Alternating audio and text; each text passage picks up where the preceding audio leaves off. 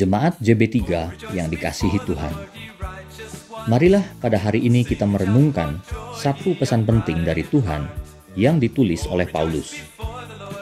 Filipi 3 ayat 13 sampai 14. Saudara-saudara, aku sendiri tidak menganggap bahwa aku telah menangkapnya.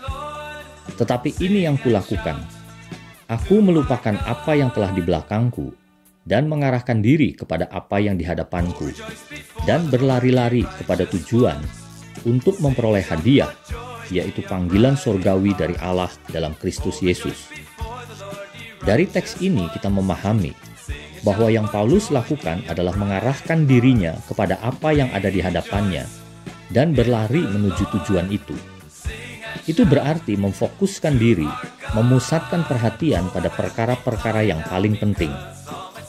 Kalau kita coba memperbandingkan sinar matahari yang memancar ke segala arah menghasilkan kehangatan.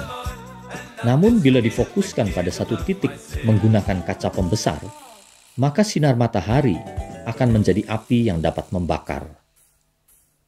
Seorang ahli ekonomi bernama Vilfredo Pareto pada tahun 1906 meneliti dan menyimpulkan bahwa apabila kita berfokus pada 20% teratas dalam skala prioritas kita, maka kita akan memperoleh hasil sebesar 80%.